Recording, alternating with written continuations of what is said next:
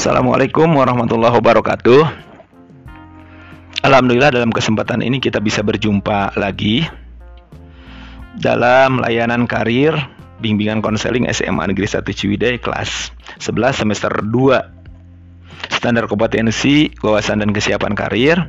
Tujuan mengenal kemampuan bakat, minat serta arah kecenderungan karir dan apresiasi seni. Peserta didik konseli memahami tentang keberadaan perguruan tinggi serta mampu menentukan pilihan yang tepat dalam melanjutkan studi. Mari sama-sama kegiatan ini awali dengan ucapan basmalah bersama-sama. Bismillahirrahmanirrahim. Terima kasih.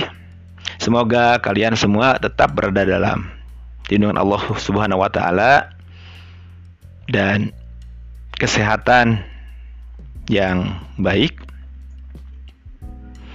menurut asesmen yang Bapak buat kelas 11 SMA Negeri 1 Ciwidey mempunyai orientasi ketika tamat SMA itu ingin melanjutkan ke jenjang perguruan tinggi secara 80% lebih. Makanya materi ini Bapak sampaikan sejak ini supaya nanti Anda di kelas 12 tinggal melangkah, tinggal memilih ke mana Anda akan melanjutkan studi. Yang perlu ketahui dan perlu pahami, yang pertama yaitu status perguruan tinggi di Indonesia. Status perguruan tinggi di Indonesia semuanya ada tiga. Yang pertama itu yang disebut dengan kedinasan, yaitu perguruan tinggi yang di bawah naungan dinas tertentu. Yang kedua, statusnya negeri, yaitu perguruan tinggi ataupun sekolah tinggi yang di bawah naungan dinas pendidikan dan kebudayaan. Yang ketiga, statusnya yaitu swasta, perguruan tinggi ataupun sekolah tinggi di bawah naungan swasta dan tanggung jawab swasta. Itu secara status. Yang kedua, secara bentuk perguruan tinggi yang Indonesia yang ada di Indonesia semuanya ada lima ya yang pertama ada yang disebut dengan institut yaitu perguruan tinggi ataupun sekolah tinggi yang menyelenggarakan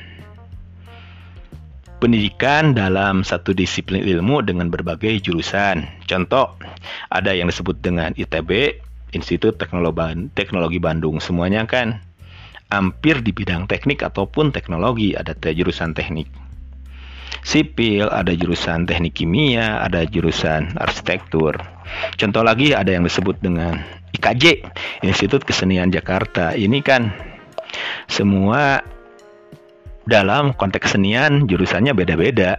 Ada yang jurusan sutradara, ada jurusan seni musik, ada jurusan teater. Ini yang disebut dengan uh, institut itu kan. Dan banyak lagi selain ITB ada juga IPB ya ada juga ITS dan sebagainya. Yang kedua secara bentuk ada yang disebut dengan universitas.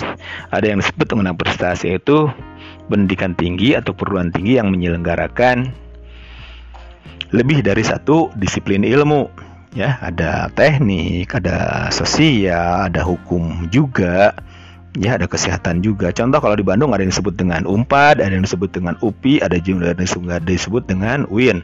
Contoh kalau di UMPAD kan ada fakultas kedokteran ada, fakultas ekonomi juga ada, ada fakultas uh, komunikasi juga ada, ada fakultas peternakan, ya. Itu berbagai multidisiplin ilmu. Begitu juga kalaupun di UPI ada ada jurusan arsitektur, terus ada jurusan uh, hukum, ada juga urusan ekonomi. Makanya di UPI tidak semua masuk UPI itu menjadi guru. Soalnya kan ada yang di, di bawah naungan di, ada yang disebut ada yang dikti, ada juga yang non dikti. Makanya kalau yang dikti itu kan orientasinya menjadi guru. Ya, nanti kalau Anda yang punya keinginan menjadi guru, apakah itu guru mata pelajaran ataupun guru kelas, kita masuk di UPI dengan uh, pilihan di uh, diktinya. Tapi kalau yang pingin umum akuntansi umum, terus pingin arsitektur, terus pingin jadi uh, ekonom di UPI juga ada, cuman berarti ngambilnya jangan ya dikti. Makanya Anda harus pahami bahwa ketika masuk UPI itu tidak semua jadi guru sekarang ya, tergantung kita memilihnya mau yang dikti ataupun yang non dikti. Nah, terus yang ketiga ada yang sekolah tinggi. Apa itu sekolah tinggi? Ya, lembaga pendidikan atau sekolah tinggi yang menyelenggarakan satu jenis disiplin ilmu dengan berbagai macam uh, keahlian Ya, contoh ada STIS, Sekolah Tinggi Ekonomi dengan jurusannya ada akuntansi, manajemen, perbankan syariah, keahliannya. Contoh juga ada STIKES, Sekolah Tinggi Kesehatan, sebidang kesehatan.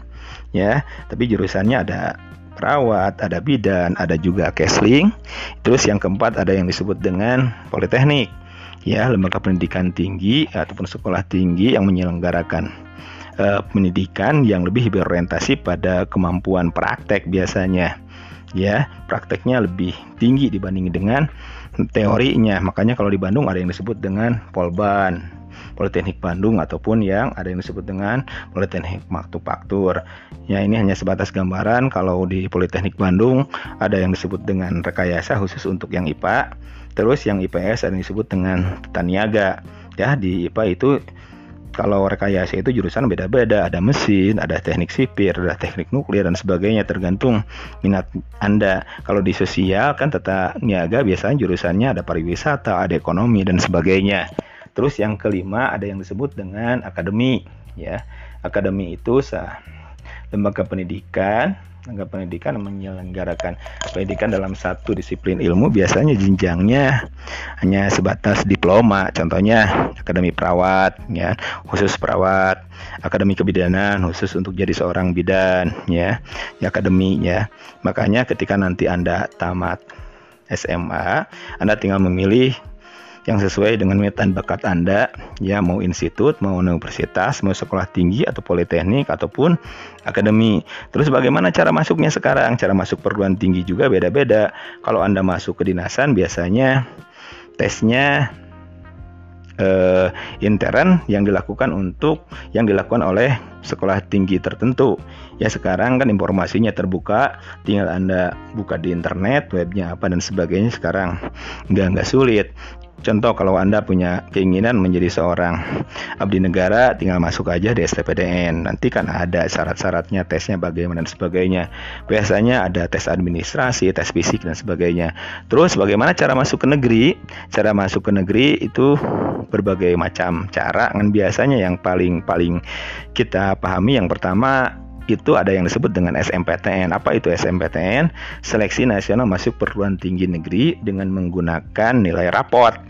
Nilai raport dari semester 1 sampai semester 5. Makanya kalau Anda punya keinginan masuk perguruan tinggi negeri tanpa testing, persiapkan dari sekarang. Nilai rapotnya harus bagus dari semester 1 sampai semester 5 ya dengan persyaratan kalau sekolahnya akreditasinya A seperti kita itu 40% dari tiap jurusan masing-masing yang terbaik. Kalau Anda IPA berarti peringkat 1 sampai 40 itu berhak mengikuti mengikuti jalur masuk SMPTN tapi bukan berarti berarti itu juga 100% keterima enggak. Tapi itu hanya sebatas tiket Anda masuk menggunakan jalur SMPTN terus yang kedua ada UTBK ujian tulis berbasis komputer ini seluruh Indonesia diselenggarakan bersama-sama UTBK. Anda mau ke mana pun kuliahnya mau ke Sumatera mau ke Irian maupun ke Bali tetap bersamaan tapi tesnya di tempatnya masing-masing. Kalau di Ciwidey berarti kan di Bandung tempatnya di mana dan sebagainya. Itu jalur jalur tulis ya. Jalur tulis berbasis komputer ya atau ujian tulis berbasis komputer.